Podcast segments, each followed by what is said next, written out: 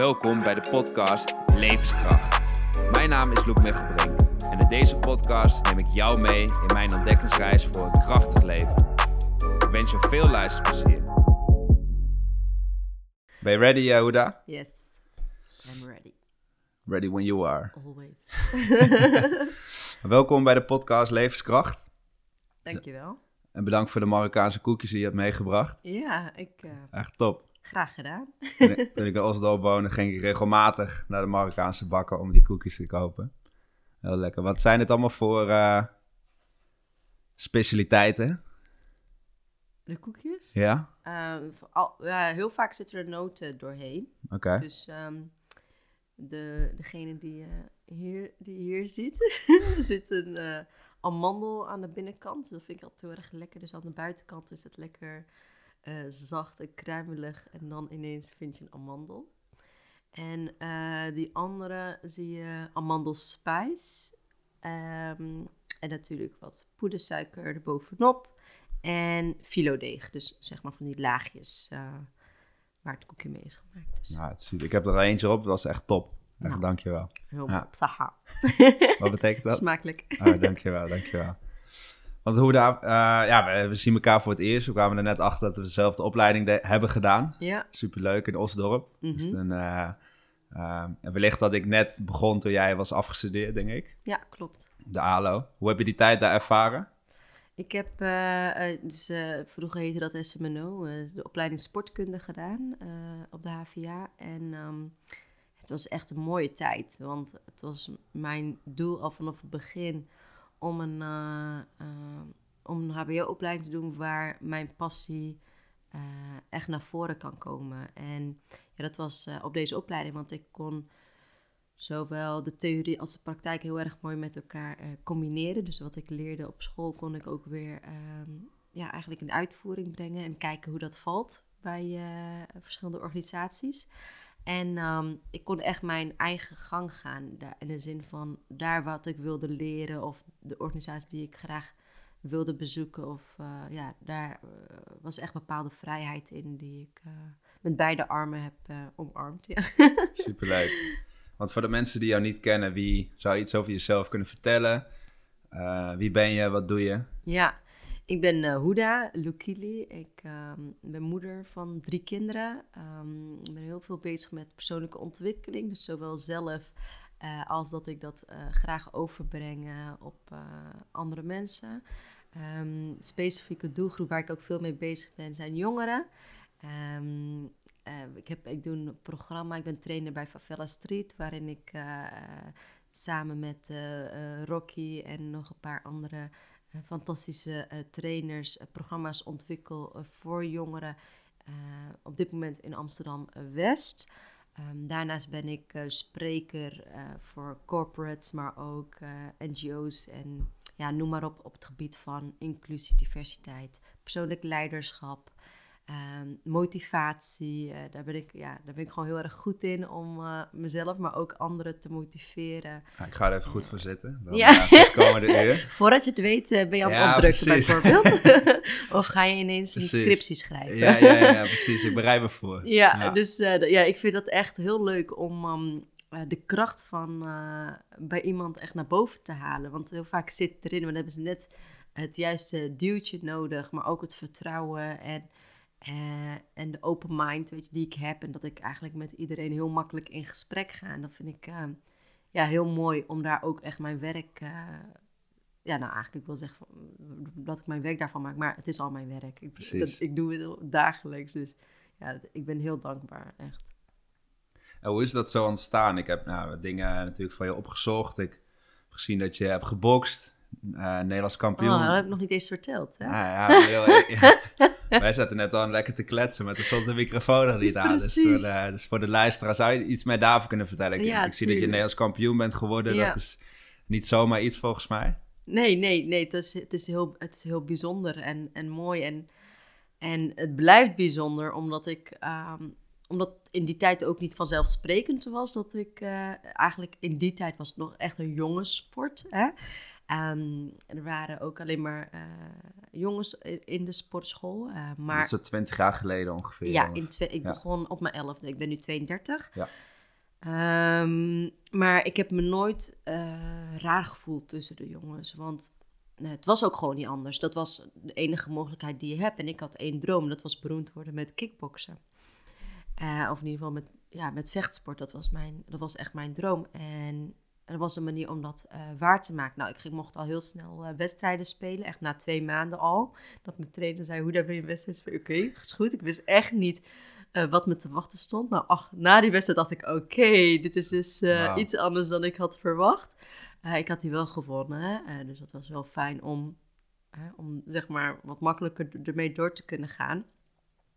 Maar in die tijd, toen ik elf was, had ik niet bedacht dat dat eigenlijk de rest van mijn leven zou beïnvloeden en op een positieve manier. Want uh, eigenlijk twintig jaar later speelt nog steeds een hele grote rol in mijn leven. En op verschillende manieren, dat ik bijvoorbeeld workshops geef met uh, boksen als middel. Kickboksen, thai-boksen, noem het hoe, je het hoe je het wil. Maar dat is wel de middel die ik gebruik om uh, dicht bij mensen te komen. Um, om verschillende skills mee te geven, maar ook om van andere mensen te leren.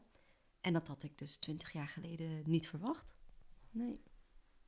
Want toen je vertelt over je eerste bokswedstrijd. Nou, de, waarschijnlijk zit daar een hele periode tussen tot het Nederlands kampioenschap. Ja, daar zou, zit, zou je daar uh, iets meer over kunnen vertellen? Want eh, ik heb, nou, zoals ik wat zei, ik heb wat onderzoek, of wat, uh, onderzoek gedaan. Uh, volgens mij was het ook toen je begon met boksen dat je nog niet een hoofddoek, hoofddoek droeg. Ja. Hajib. Bijna. Oh. Hijab. Hijab, okay, ja, ja. Bijna, bijna. Heel goed. ja, ja, ik heb alles ja, Dat alles is de Arabische naam daarvoor. Ja, ik, um, ik begon uh, ja, gewoon als uh, jonge meid met een knot of staart uh, in. En um, um, als puber ging ik echt op zoek naar... ja, wat, wat betekent dat dan? Hè? Ik, ben, ik ben een moslim en wat betekent dat dan voor mij? Hoe ga ik daarmee om? hoe wil ik dat het een onderdeel is van mijn leven. Dus ik ben echt al best wel vroeg vragen gaan stellen en naar de moskee geweest. Op een gegeven moment was dat elke zaterdag. Om, ik wilde het niet alleen van mijn ouders horen, maar ik wilde juist zelf onderzoeken wat het allemaal inhield en, en waar ik ja, voor ga. En toen ik dat dus elke zaterdag deed, kreeg ik, voelde ik gewoon echt die liefde en die, die support en ja, ja, alles wat ik zocht, uh, vond ik terug in het geloof. En daarbij hoorde ook uh, mijn hoofddoek. Dus toen ik uh, eh, 15 was, kwam ik een dag thuis en ik zei tegen mijn ouders: Nou, ik ga een hoofddoek dragen. Dus iedereen was verbaasd, omdat ik ah, zes dagen per week een sport deed die niet zelf vanzelfsprekend was. En alleen maar daarmee bezig was. Ik liep stage, ik zat op school, dus ik was super druk en ineens ja, maakte de keuze om een, om een hijab te gaan dragen. En ja, ik ben nog steeds super blij met de keuze die ik uh, heb gemaakt. Maar dat betekende wel dat ik mijn uh, uh, passie voor sport en mijn, ja, mijn liefde voor mijn geloof moest gaan combineren. Want dat wilde ik wel graag. Ik wilde wel graag blijven doen wat ik deed. Um, dus ik ging op onderzoek uit. Ik werd heel erg creatief, zou ik zeggen. En veranderde dat iets aan jouw identiteit, de manier hoe er naar je werd gekeken, wellicht binnen de sport, toen je een hoofddoek begon te dragen? Ja, ja, het is wel. Uh, um, ik heb mensen er echt mee verbaasd. Van, huh, hoe dan? En uh, dat hadden we echt nooit verwacht. Nou, dat is heel mooi, want uh, ik ben wel iemand die graag voor goede verrassingen zorgt. Maar vooral ik vind het vooral belangrijk van hoe is mijn proces, hoe is mijn ontwikkeling. En als ik ergens klaar voor ben, dan moet ik dat niet laat, probeer ik hè, in ieder geval, probeer te bedenken van dat moet ik niet af laten hangen van mijn omgeving. Want als ik iets voel en iets heb onderzocht en het voelt goed, uh, dan moet ik dat gewoon doen. En dan kijken wat daaruit komt. Uh, dus het was, ik moest me eigenlijk best wel vaak verantwoorden van waarom ben je het nu ineens gaan dragen. Maar ja, ja dan eh, blijkbaar vertelde ik daar dan wat over. Of ik, dat kan ik me niet precies meer herinneren. Maar ik kan me wel herinneren dat er heel veel vragen waren. En voelde je ook extra druk daardoor? Dat je dacht van een soort van bewijsdrang? Dat... Ja, ik, ik kan niet ontkennen dat ik dat uh, heel veel heb gehad, inderdaad. Um, Eh, ja, dat kan ik. Vroeger ging dat nog wel eens ontkennen. Maar ja, nu ik ben 32 ben, ja, klopt. Ik heb eh, best wel veel bewijsdrang gehad in ieder geval. En, ehm, en dat ik dacht van, ja, ik zal even laten zien dat ik het wel kan.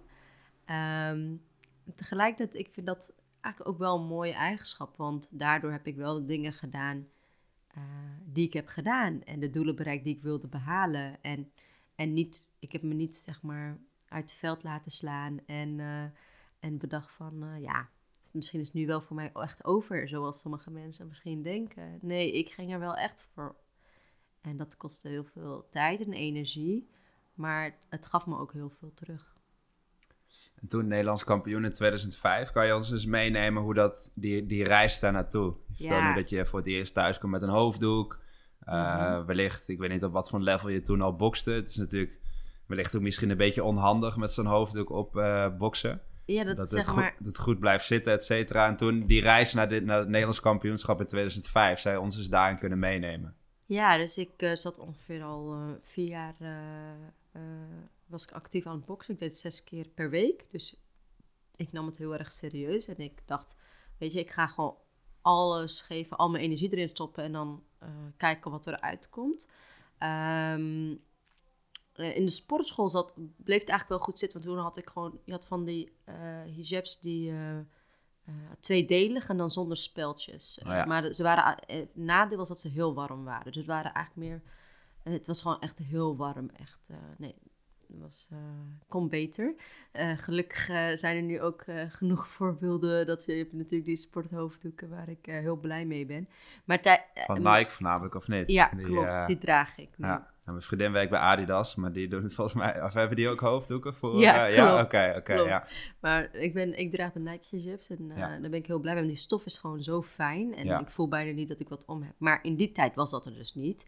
En tijdens de wedstrijden kon ik niet zo'n warme eh, eh, hoofddoek op doen. Dus dan had ik van die eh, kapjes, had ik er bijvoorbeeld twee. En dan ging ik het vastmaken met tape. En niet alleen maar... Ken je dat sporttape, dat witte tape? Ja, ja, ja. ja, dat deed ik dan rondom mijn hoofd. Maar ook pruikentape, zodat het tussen mijn hoofd en mijn hoofddoek... zodat het niet naar achter ging als ik bijvoorbeeld een stoot kreeg. Oké. Ja, dus het was wel eh, ingewikkeld, maar ook weer... ehm, er was ook geen andere optie voor mij. Ik wilde het heel graag. Eh, dus ja, ik ging ervoor. Dus in die tijd dacht ik niet van, oh, baren dat ik hiervoor gekozen heb. Ik dacht, nee, nou, dat is gewoon wat ik wil. En dan moet ik wat meer moeite voor doen. Dus dat. Wauw.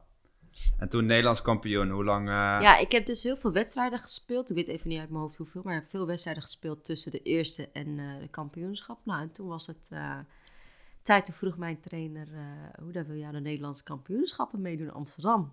En ik zei ja, let's go, let's do this. En echt, echt hard getraind dat je gewoon zaterdag en zondag, zaterdag krachttraining, zondag ga je naar het bos om te gaan hardlopen en de rest van de dagen ga je eh, eh, sparren en eh, oefeningen doen. Dus ik heb echt alles gegeven wat erin zat.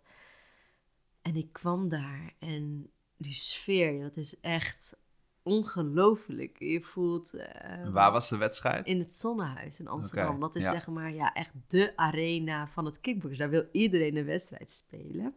En ik mocht dat doen. Dus ik kom binnen en die sfeer. En je ziet allemaal mensen op het balkon zitten. En van die tafels. En ja, echt ja, heel vet. En eh, ehm, toen eh, kwam ik daar en eh, dan heb je ook te maken met bijvoorbeeld de tegenstander die je best wel bang wil maken. Dus die kwam ook naar mij toe van, hey, ik ga je me afmaken. En, dat, en ik dacht echt, oké, ik kom hier gewoon om een wedstrijd te spelen. Ehm, dus ik ging gewoon lekker geconcentreerd verder in de kleedkamer, voorbereiden op de wedstrijd. En ik loop naar die ring en ik ga door die touwen, onder die touwen door. Ik groet eh, de jury en de tegenstander en iedereen. En ik draai één ronde mee, dus ik geef gewoon een paar combinaties. En met een rechterhoek is het een technische KO. Dus dat betekent dat ze, eh, zeg maar, een soort van... ehm, ze krijgt een stoot en dan kan ze gewoon niet doorgaan. Dan wordt de handdoek in de ring gegooid. Ehm, toen besefte ik het denk ik eigenlijk niet eens. Ja. Wauw, wat bijzonder. Ja, het is heel bijzonder. Het is ehm, ik, vooral ook de reis naartoe. Want eh, je moet gewoon heel veel discipline hebben. om, uh, om aan topsport te doen. Je moet uh, heel veel uithoudingsvermogen hebben. Intrinsieke motivatie. Want ik bedoel, je kan ook zat andere leuke dingen doen in plaats van zoveel per week sporten. Dan kan je jezelf goed motiveren, want je vertelt dat je andere mensen goed kan motiveren. Ja, kan je ook jezelf goed motiveren? Absoluut. Ja, ik kan dat echt. ik, vind dat, ja, ik vind dat ook. Ik word er oprecht blij van als ik mezelf. En hoe doe je dat? Ja, ik, het klinkt tot nu toe heb ik niet zoveel nodig om gemotiveerd te raken. Um, ik ben best wel, ik ben positief. Ik ben gewoon positief. En natuurlijk, ehm, ik heb ook van die dagen dat ik denk van, oh, niks lukt vandaag en waarom niet? En uh, waarom zit alles tegen vandaag? Maar over het algemeen ben ik gewoon heel positief. En ehm, ja, ik ben daar heel blij mee. Um, want daardoor zie ik altijd ook wel positief in iemand. Dus ook als ik met iemand in gesprek ben of ik zie iets, dan eerste gedachte die ik heb is altijd positief. En door bepaalde ervaring kan het hè, anders worden. Dat je er anders naar kijkt. Maar mijn eerste stap is altijd positief. Um, dus ik, daardoor kan ik denk ik ook mezelf heel goed motiveren. En hoe zou je voor de mensen die nu luisteren, bijvoorbeeld, die, die willen beginnen met de sport, of die hebben een bepaald sportdoel of een een, een ander doel, ze willen eh, iets bereiken. Hoe, wat, zou je die mensen meegeven qua motivatie? Hoe zou jij die mensen kunnen motiveren? Heb je bepaalde tips of tricks daarvoor? Ja, ik denk dat dat heel erg verschilt per persoon. Uh, want voor iedereen werkt natuurlijk wat anders. Maar ik zou in ieder geval. Uh, je zou kunnen bedenken dat het voor sommigen helpt om het eerst op te schrijven. Van wat wil je eigenlijk? En ik heb ook genoeg, vaak genoeg gehoord dat mensen niet weten wat ze willen. Dan kan je misschien kijken, waar word ik blij van? Dus je weet nog niet precies welk doel je, je wilt behalen, maar waar word jij blij van? Wat geeft jou een glimlach op je gezicht? Misschien kan je dan daar zoeken. Bijvoorbeeld, stel ik word uh, blij van dat ik uh, goedemorgen zeg tegen mijn buurvrouw of buurman.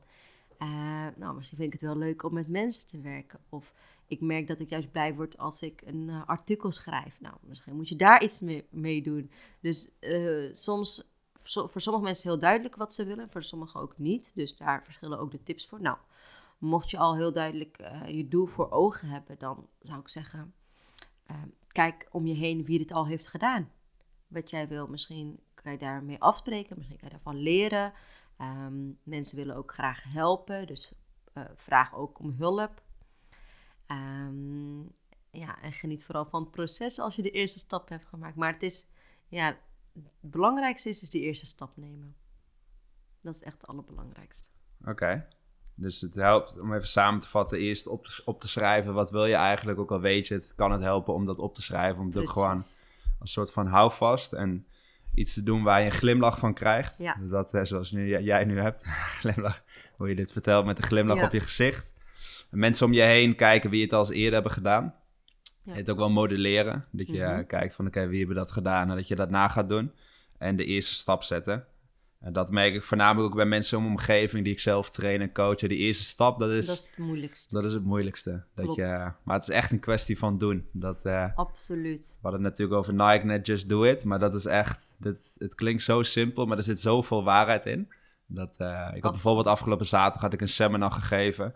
Um, heet ook Levenskracht, net als de, de podcast aan een groep van acht mensen. En had ik een uh, hele dag over vitaliteit en het realiseren van een krachtig leven, et cetera. Maar ik had het al zo, ik had het echt al een tijdje in mijn hoofd om dat te doen. En elke keer kwam het maar niet en denk, oh, dan ga ik het dan en dan wat doen. Maar als je het eenmaal, toen heb ik op een gegeven moment gewoon een data gepakt, gepland en gedaan. En ja, nu dan, dan leer je daar ook zoveel van, het hele proces ernaartoe. En uiteindelijk de dag, hele dag daar staan. Dat, uh, ja, ja, dat is echt mooi om te zien. Ja. En en je leert daar veel meer van dan als je het nog langer ermee zou wachten. Precies. Um, dus um, ja, oefening baart kunst toch? Ja, de volgende keer dan weet je weer wat je anders kan doen. Of, Precies, uh, maar dat, ja, dat, je, je, kan niet op de bank gaan zitten, bij wijze spreken, en dingen uitdenken. Oh, ja, dan ga ik dat doen of dan wil ik dat vertellen, maar niks niks is zo sterk als, als het te doen. En het, hoeft, het was uiteindelijk een hele geslaagde dag en alle deelnemers waren heel enthousiast. Oh, wat fijn. Maar uiteindelijk was het ook niet gelukt. Dan leer je ook daar weer van. Maar als je het niet doet, dan... Dus actie is echt... Uh, ja. Actie heel belangrijk daarin. Ja, absoluut. En ja, ik kan je wel zeggen, ik ben best wel actiegericht. Ik, uh, um, ik ga wel echt... Um, maakt niet uit wat voor obstakels. Ik ga wel echt op mijn doel af. Dus, um, Want Ja. over obstakels gesproken. Ik uh, nou, je vertelde natuurlijk, je bent Nederlands kampioen geworden. En uh, ja, dat heb je uiteindelijk niet, die, die carrière heb je niet door kunnen zetten met wellicht het, het, hetgene wat je hebt gehoopt, waar je, Ja. uh, waar je het, hoe je dat verder zou kunnen ontwikkelen. Dat is volgens mij, heb je daarin iets meegemaakt wat wel een obstakel is geweest, wat daar in de weg heeft gezeten. Zou je daar iets meer over kunnen vertellen? Ja. Um, ja, als je over het algemeen, als je jong bent, dan weet je nog niet um, ja, hoe de. Ja, ik bedoel, we weten nooit wat, uh, wat, ons, uh, wat op ons pad komt. Maar uh, in die tijd toen ik jong was, dacht ik, ja, niks kan mij tegenhouden. En um, ja, totdat ik. nou, ik ging bijvoorbeeld studeren, maar alsnog bleef ik gewoon sporten. Dus ik probeerde altijd gewoon steeds doorgaan totdat ik een auto-ongeluk kreeg. En ja, toen merkte ik echt van, oké. Dus ik kan maar wel iets. dat, ja, ik weet niet, heel naïef denk ik, maar ik had echt niet. Um, uh, ja, ik denk dat niemand kan bedenken van, oh ja, misschien krijg ik een auto-ongeluk. Maar ik was dus echt zo ervan overtuigd dat als je iets wil, dan moet je gewoon keihard werken en dan bereik je het. Maar ik was dus helemaal vergeten of uh, nooit aan gedacht dat er dus ook allemaal verschillende gebeurtenissen in jouw leven uh, ja, kunnen gebeuren, zeg maar. En dan, ja, hoe ga je daar dan mee om? En dat was eigenlijk de, grootste gebeurtenis uh, tot nu toe in mijn leven. Dat ik dacht van, oké, en nu? En hoe ben je daar toen zelf mee omgegaan? Hoe, hoe oud was je toen? Ik, um, 21 denk ik. Ja, 21. En het lastigste was dat ik ook uh, mijn script zelf afronden was. Dus dat was, het was... Kijk, het is sowieso moeilijk als je een auto-ongeluk komt en daarna... Want hoe, de was, rest het, van je- was het... Was het... Reed je zelf? Of was ja, het... ik eh, was zat alleen in de auto en ik kwam vanuit mijn werk uh, uit, uit Utrecht en ik reed terug naar Amsterdam. En uh, op de A12 en ik werd, er waren er twee auto's die waren elkaar aan het inhalen. En een van die auto's die ging, ze ra raakten elkaar aan, eentje van, ging tollen en die knalde keihard. En ik zag het gebeuren, want ik zat in mijn, ach, in mijn, ruit, in mijn uh, binnenruit te kijken, Ja. in, uh, binnenspiegel, zo. En ik zag het gebeuren. Um, en die knal- knalt elkaar tegen mij aan. En, en weet je wat het is? Ik ben dwars door de geluidswal heen gereden. Dus mijn auto was totaal los. Bovenkant, zijkant, uh, achterkant, voorkant was helemaal... Uh, ja. Ik heb het overleefd, maar ik was, zat echt wel goed in de kreukels. En dat was wel echt een moment dat ik ook weer heel dicht bij uh, God kwam. Ik dacht van, oké, het had ook echt over kunnen zijn. Hè? Ik bedoel, naast dat alleen niet de keeperscarrière doorging, had ik, had ik er ook helemaal niet meer kunnen zijn. En um, ja, dat heeft me wel echt veel doen nadenken ook over het leven. En dat er dus eigenlijk wel meer belang, veel belangrijke dingen zijn dan alleen die doelen die ik zo graag wilde behalen. Want ik zat dus aan, in mijn laatste jaar van de sportkundestudie, dus ik was bezig met mijn scriptie en ik had daar echt hard voor gewerkt en dus al die kleine obstakels heb ik overwonnen om daar te komen. En ik wilde per se in die tijd dat ik had bedacht, wilde ik die diploma halen. En ineens ging dat anders. Ik vond dat heel moeilijk. En hoe ben je daar toen mee omgegaan, met dat, ja, met dat obstakel? Ja, uh, ik ga dan gelijk eigenlijk uh, op zoek naar uh, oplossingen. Ik ben heel oplossingsgericht, dus ik ga alleen kijken van... oké, okay, wat, wat kan ik dan wel? Dus daar ging ik echt naar op zoek van...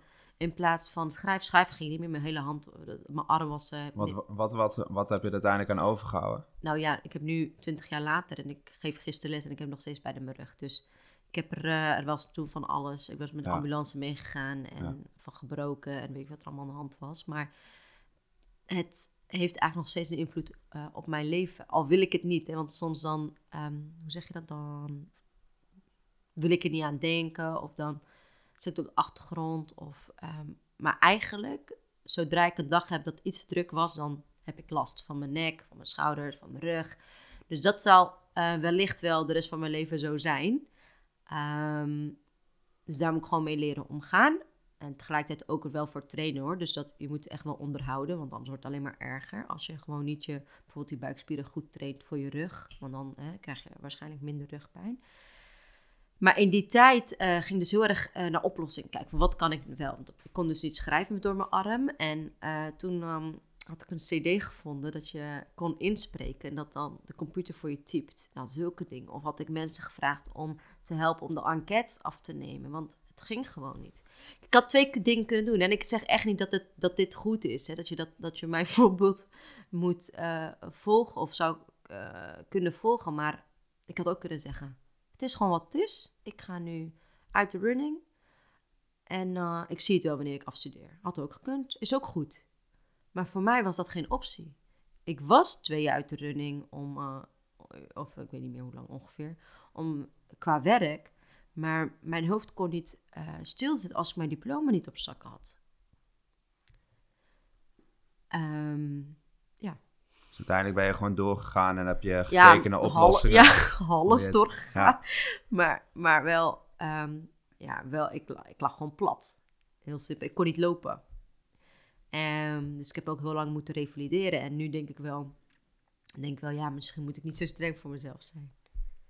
Ja, mooi. Wat een bijzonder verhaal hoe je ja. dat allemaal hebt meegemaakt. En een droom voor, uh, uh, ja, een droom die in duigen viel, maar je bent volgens mij nooit gestopt met dromen.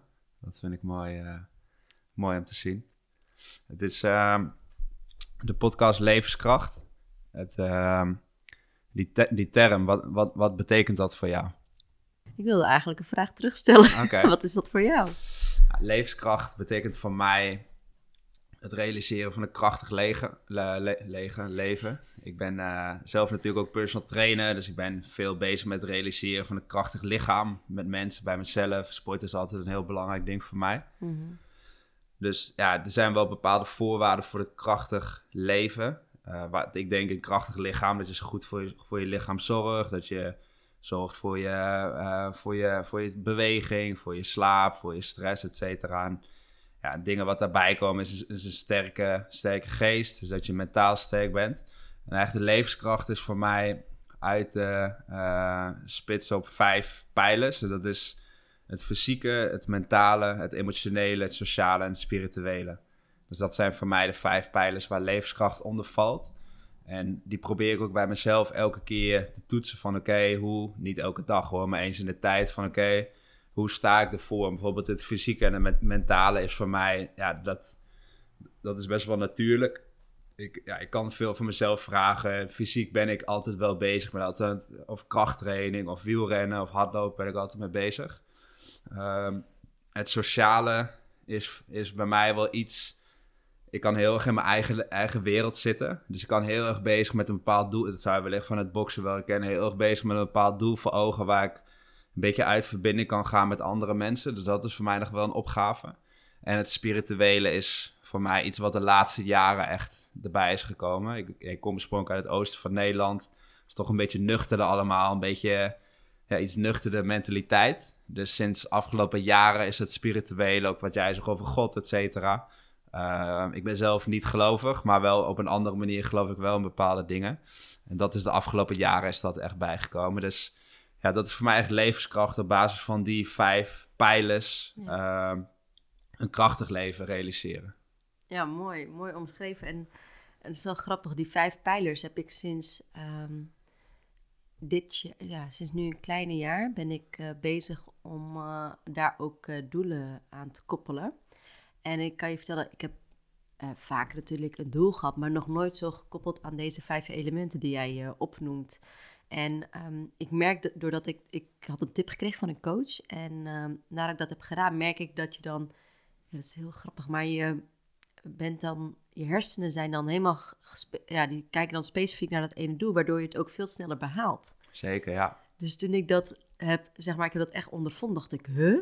Ja. Dit, dit is gewoon bizar. Ja, eh, je moet er natuurlijk wat voor doen, maar je gaat veel specifieker aan de slag, waardoor je ja, het gewoon je doel sneller behaalt. Precies. Het, het brein, uh, er is eigenlijk de wetenschap over neuroplasticiteit aangetoond in het brein. Ik weet niet of je weet wat het is. Dat ja. is dat het je brein eigenlijk zich constant aan het aanpassen en herstructureren is. Dus bijvoorbeeld bij gewoontes of bepaalde doelen, als jij een doel voor ogen hebt, dan gaat je brein omdat je vaak hetzelfde ding gaat doen om het doel te behalen, gaat je brein zich aanpassen. Ja. Totdat je dingen zo vaak doet als een, uh, als een soort neurologisch karrenspoor, wordt er een, een karrenspoor gelegd naar dat doel, omdat je vaak dezelfde handeling uit, eh, uitvoert. Precies. Het brein gaat zich aanpassen om uiteindelijk doel- dat doel te bereiken. Dus dat, ja, dat eh, is echt, ik vind dat zo bijzonder. En ik, ik stond daar eigenlijk eh, niet eerder bij stil. En sinds dit jaar, ja, het, het, smaakt gewoon naar meer. Dat je denkt, oh, dit is echt vet, laten we het nog een keer... eh, Ja, goed. Ja, Ehm, en dat heb ik zeg maar wel gedaan aan de hand van jaardoelen. Dus ik heb, ehm, dus wat betekent levenskracht voor mij? Betekent dus dat je het best uit jezelf haalt, maar ook eh, daardoor ook heel erg ehm, dankbaar bent voor datgene wat ons lichaam kan. Ik bedoel, het is zo bizar dat, dat wat ons lichaam elke keer doet, en daarmee bedoel ik ook onze geest, eh, eh, hoe, hoe we überhaupt kunnen lopen, ademen, al die dingen. En als wij zeg maar niet voor ons lichaam goed zorgen, eigenlijk betekent dat voor mij ook ondankbaarheid.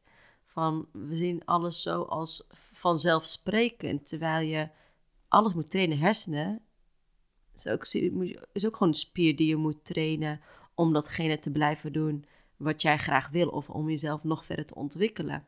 En daarom dacht ik van, ja, het is misschien, nu ook tijd om die gespecificeerde doelen eh, te maken. Ik heb ze nu wel gericht op jaardoelen. Dus jaardoelen, driejaardoelen en vijfjaardoelen. Alleen had ik weer laatst ehm, een collega van mij gesproken. En die zei, Hoeda, waarom gaan we niet aan de slag met kwartaaldoelen? Toen dacht ik, hé, hey, goed idee. Dus nu hebben we een afspraak ingepland om, ehm, om, te, om eh, ja, kwartaaldoelen te maken. Dus ik, ja, ik, ik kijk daar wel erg naar uit. Maar dus weer gespecificeerd op je spiritualiteit, je, je lichaam, je geest. Dus al de elementen die je net vertelde. Dus ja, ik vind dat echt interessant. leuk. Ja, Dus levenskracht is eigenlijk het, het, het beste uit jezelf halen, zoals je ja net klopt. zei. En dan, en dan eh, voor mij, ik, hoe specifieker ik het maak, hoe krachtiger het is eigenlijk. Want wat is bijvoorbeeld een, zou je bijvoorbeeld een doel kunnen noemen wat je hebt opgeschreven als jaardoel? Wat op, op basis van die vijf elementen waar je nu mee bezig bent? Ja, met eh, bijvoorbeeld spiritualiteit had ik, eh, ik wil vaker op tijd bidden. Want eh, we hebben zeg maar eh, vaste tijden om te bidden. Dat verandert natuurlijk eh, elke dag verandert. We hebben een, een rooster of agenda zeg maar met Ja, is het- bedstijden. Ja, is het zo? Dat is gewoon vaste momenten dat Ja, je... dat zijn vaste momenten, maar dat ver- verschilt zeg maar per periode. Dus in de winter zijn andere tijden dan Ja. in de zomer. Dus je hebt zeg maar een ochtendgebed, middaggebed, tussen de mi- namiddaggebed, avondgebed en de laatste gebed voordat je zeg maar een, een bed gaat in principe. Vijf. En eh, soms door, eh, ja, gewoon door waar van de dag ga je, ja, eh, lukt het soms gewoon niet om het allemaal op tijd uit te voeren. En daar baal ik wel van. Dus daar was mijn spirituele doel voor dit jaar was om de gebeden ja, op tijd te bidden, bijvoorbeeld. Nou, een ander doel was een online programma ontwikkelen voor kinderen. Ehm, ik had echt begin van het jaar, ik dacht, nou, wat ik echt wil, is een online programma. Het moet binnen drie jaar. Maar ik heb het eh, al binnen een jaar. Eh, de lancering komt bijna. Nou, ik ben ook een rots- en watertrainer, weerbaarheidstrainer, zelfverdediging. Dus ik dacht, dat heb ik al meer dan 15 jaar eh, gewoon de praktijk gegeven. Waarom maak ik daar niet een online programma van voor kinderen tussen de 8 en 12 jaar? Waarin ze ook aan de slag gaan met vragen die eigenlijk ook te maken hebben met levenskracht. Van wie ben jij? Eh, wat vind je leuk? Wat wil je graag bereiken? Dus al die elementen waar ik zelf mee bezig ben, wil ik ook graag overbrengen op een groter publiek. Dat doe ik natuurlijk al voor volwassenen, maar ik wil dus heel graag iets voor kinderen online. Dus dat zijn echt, ik, ik heb het voor mezelf zo specifiek gemaakt dat dan ook echt ja, de werkelijkheid wordt. En tuurlijk, het is echt niet makkelijk, want ik ben er al een half jaar mee bezig. Om, eh, om Hoe het gaat het programma heten? Power Kids. Power Kids. Ja, Goed. Heel powerkracht. Power- Dus Ja. ja. ja, dus dat zijn echt dingen die, eh, ehm, ja, die ik dus had beschreven en die ja, uit zijn gekomen. Dus ik kijk er heel erg naar uit naar eh, andere en, en nog, kijk, het is niet zo van dat het per se alles wat je opschrijft precies eh, zo eruit komt zien. Want ik geloof er ook heel erg in dat sommige dingen wat langer tijd kosten. Of sommige dingen zijn niet op het juiste moment in jouw leven. En dan pas je je doel aan. Dus dat vind ik ook een kracht. Dat je, eh, als er dus wat gebeurt, net zoals er met mij was gebeurd, eh, dat je dan je leven aanpast op de situatie eh, ja, die er is. Ja. Ik bedoel, toen ik moeder werd, zijn ook gewoon dingen anders geworden.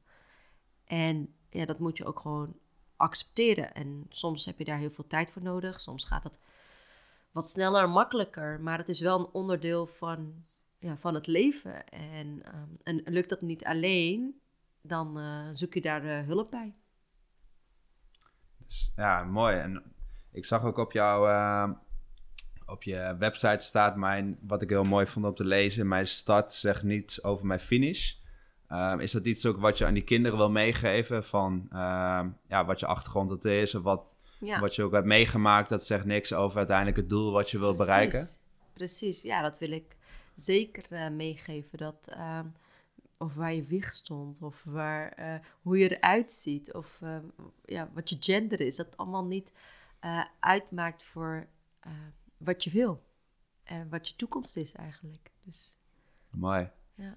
Want hoe heb je dat zelf ervaren? Je bent nou, afgelopen week vertelde je ook al naar de première van uh, Favela Street geweest. Dat is een project voor uh, kinderen in Amsterdam West. Ja, zou je, daar iets, ja, zou je daar iets meer over kunnen vertellen? Over de, ik zag wat dingen op Instagram voorbij komen, ook met uh, Rocky, et cetera. Ja.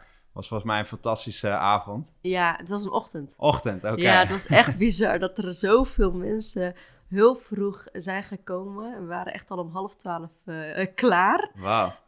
Um, het, uh, Favela Street uh, is een organisatie die zich inzet voor jongeren eigenlijk over de hele wereld. Ze zijn zelf begonnen in Rio, in Brazilië, toen naar Haiti, Curaçao in Nederland. Ik ben als trainer voornamelijk actief in Nederland. Rocky is daar dus de oprichter van. En wij hebben dus de afgelopen maanden hebben een heel mooi uh, programma uh, neergezet uh, in Amsterdam. Voor jonge meiden tussen de 12 en ja, 18 jaar. En deze meiden die hebben ja, een fantastisch programma meegemaakt. Een persoonlijk ontwikkelprogramma. Dus daar, waar ze hebben geleerd hoe je conflicten kunt hanteren. Hoe je... Uh, over de mindset, hè, waar wij het natuurlijk net Ja. al uh, over hebben gehad. Dus uh, wat voor soort mindset heb je? Waar kies jij voor? Waar ga je voor? Dat ze daar echt de achtergrondinformatie over krijgen. Maar ook hoe organiseer je een activiteit? Want sommige meiden vinden het heel erg leuk en hebben het echt in hun zitten om ook een sportcoach te zijn voor andere kinderen. Dus daar helpen we ze ook bij.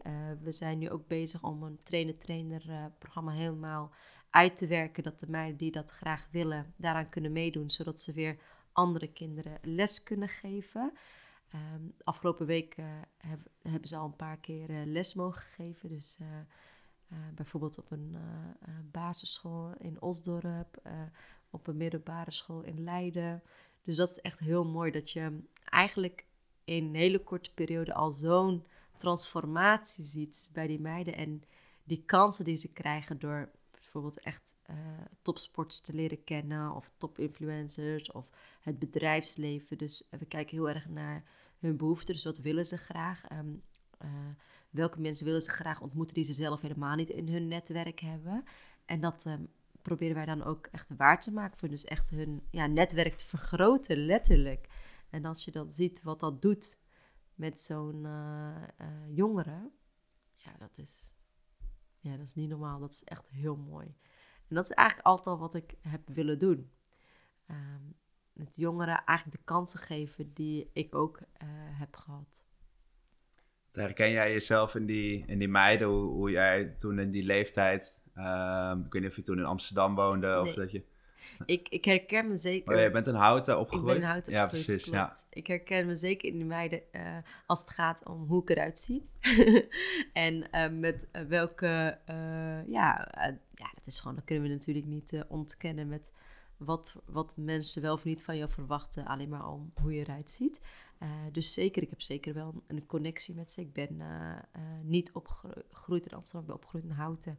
Uh, maar het, mijn kinderen zijn wel Amsterdammers. En hoe, uh, ik zie eigenlijk ook bijna mijn kinderen erin, zeg maar. Dus Okay. dat is wel, uh, ja, ik doe het wel echt met passie en liefde. En ja, ik, heb, ik, ik ben graag een onderdeel van hun tienerjaren, puberteit, noem maar wat. Dus ja, dat vind ik echt heel tof om, dat, om dit te mogen doen. En hoe zou je dat in relatie zien met levenskracht? De, het, de naam van de podcast, wat je wil meegeven aan die, aan die meiden, hoe zij in, ja, wellicht een andere kijk op het leven krijgen of andere dingen gaan doen in hun leven. Hoe zou je die, de dingen waar je mee bezig zijn met eh eh, van Villa Street in combinatie met levenskracht? Ja, ik denk, eh, bij, eh, ik denk dat dat in elke workshop wel voorbij komt. Eh, dat je, stel je wil iets en ehm, je staat er eigenlijk alleen voor, want jij bent de enige die, die, eh, die dat wil in je omgeving. Maar je weet niet zo goed eh, ja, hoe je dat kan bereiken of wie je daarbij kan helpen. Dat is voor mij ook levenskracht. Dat je, dat je dus eh, die kracht zoekt in jezelf, maar ook daar hulp bij zoekt om datgene te bereiken wat je graag wilt bereiken. En dat kan van alles zijn. Dus dat kan op werkgebied zijn, dat kan ook op school zijn, maar dat kan ook privé zijn.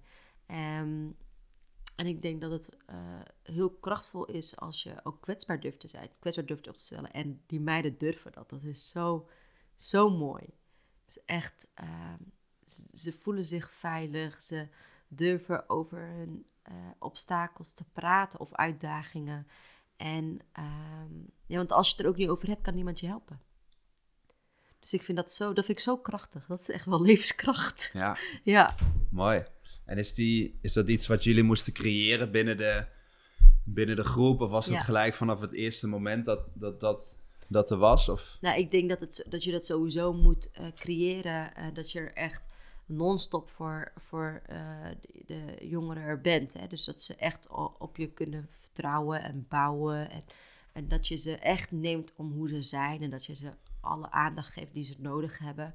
Kijk, er was al vanaf het begin een klik. En, ehm, maar je, met het hele team zorg je echt voor een veilige omgeving. Dat is wel echt belangrijk. Want het gaat gewoon het gaat om mensen.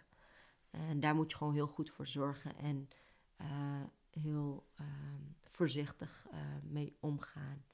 En heel betrouwbaar zijn. Mooi.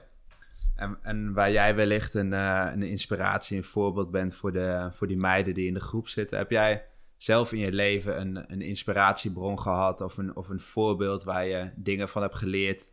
De dingen die je vandaag de dag doet en wat heb je van die persoon geleerd? Ja, ik vind het echt een moeilijke vraag. Want ik heb zeg maar echt meerdere personen gehad in mijn leven. Dat ik dacht van, oh ja, echt. Ah, we hebben nog de hele dag. Nee. Dat, eh, kom, maar door, kom maar door met die ik lijst. niet, ik moet nog... nee, ik heb, echt, ik heb echt een lijst aan mensen die een, een onderdeel, een groot onderdeel zijn geweest in mijn leven. En sommige mensen blijven in je leven, sommige mensen, ja, die verhuizen of gaan weer verder, eh, weet je, met andere dingen.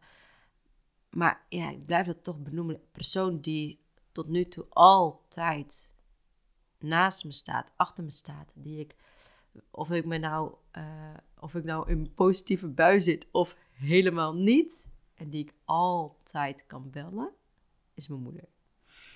Oké.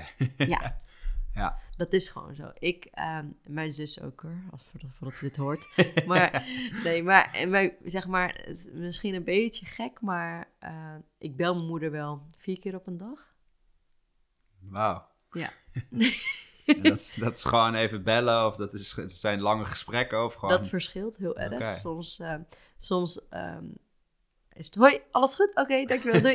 en soms is het, well mama, wie wil niet weten wat er is gebeurd? Ik heb Ja. dit, dit gedaan. eh." Ja. En dan, of wow mama, weet je hoe vet, dit en dit Ja. is gebeurd. Ja, Dus, net, net podcast opgenomen met Luke. Ja, ja, echt hoor. Dus ik bel er zo weer. Dus ja, ik bel echt heel vaak mijn moeder. En grappig. eh, niet iedereen vindt dat zo fijn thuis. Nee, eh, Vooral bij haar niet, want de telefoon gaat de hele tijd af.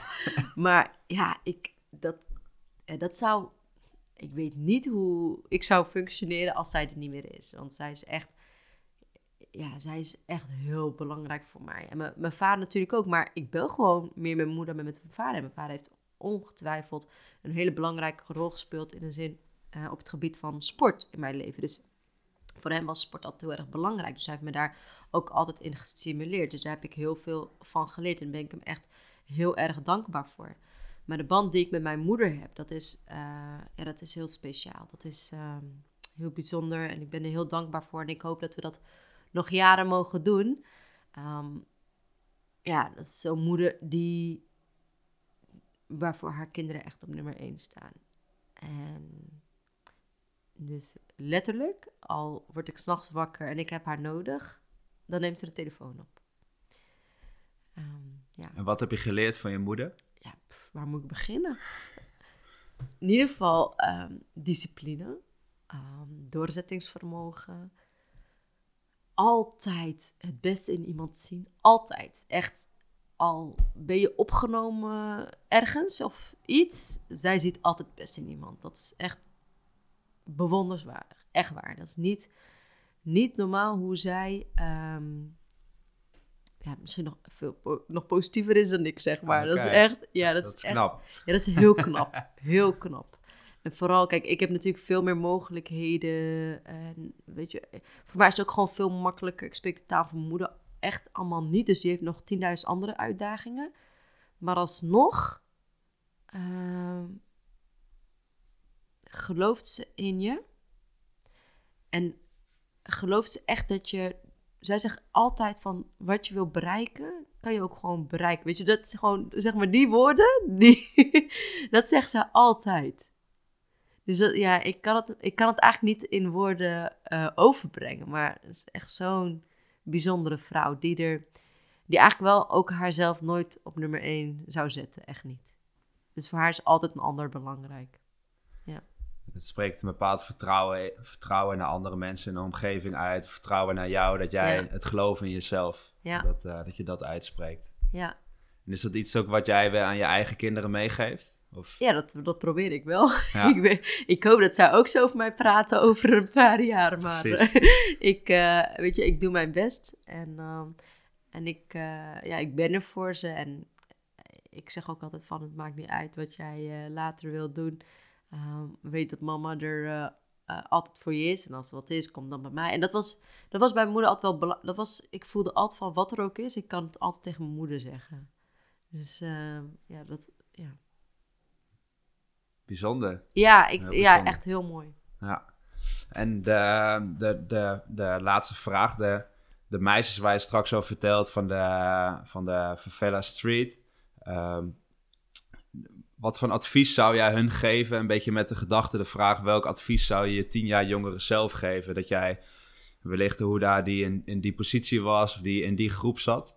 Wat voor een advies zou je tien jaar jongeren zelf geven, wat je eigenlijk ook een beetje misschien aan die meisjes zou geven? Met alle wijsheden die je nu... eh, Ja, ehm, ik weet niet of dat hetzelfde zou zijn, maar als ik eerst kijk naar het advies die ik mezelf zou geven, is dat ik ehm, soms ook wat chiller had kunnen doen. ja, dat is echt wel, daar ben ik nu wel klaar voor om dat te kunnen zeggen, want ehm, dus je, kan je kan natuurlijk heel doelgericht zijn, dat is echt natuurlijk geweldig, maar soms, eh, de wereld vergaat echt niet als je scriptie een maand later eh, inlevert. En dus dat, dat zou ik mezelf zeggen. eh, ja, dat had ik wel gezegd. En geloof me, er waren genoeg mensen die dat tegen mij hebben gezegd. Die zeggen van, ja, maakt echt niet uit, komt wel goed, chill. Ik dacht, chill? Wat is dat? Wat chill? dat, dat gaat niet gebeuren. Dus ja, dat, heb ik, dat zou ik wel tegen mezelf zeggen. En eh, tegen de meiden zou ik zeggen ehm, dat eh, ja, hard werken loont. Dus dan zeg ik eigenlijk tegenstrijdige dingen. Hè? maar ehm, ja, dat, dat, of dat er eh, niks in het leven eigenlijk makkelijk gaat. En dat er sommige mensen gewoon daar iets meer moeite voor moeten doen. En dat, is, dat kunnen we gewoon niet veranderen. Dat is gewoon zo. Eh, en zoek daarvoor, om het iets makkelijker te maken, zoek dan de positieve en de, ju- en de juiste mensen er, om jou heen. Om, eh, om daar te komen waar jij graag wilt komen. En is dat iets wat je, als je kijkt naar jezelf, ben ik gewoon even benieuwd. Is dat iets wat je de laatste jaren hebt ontwikkeld? Dat je zegt, ja, ik ben iets zachter voor mezelf? Is dat...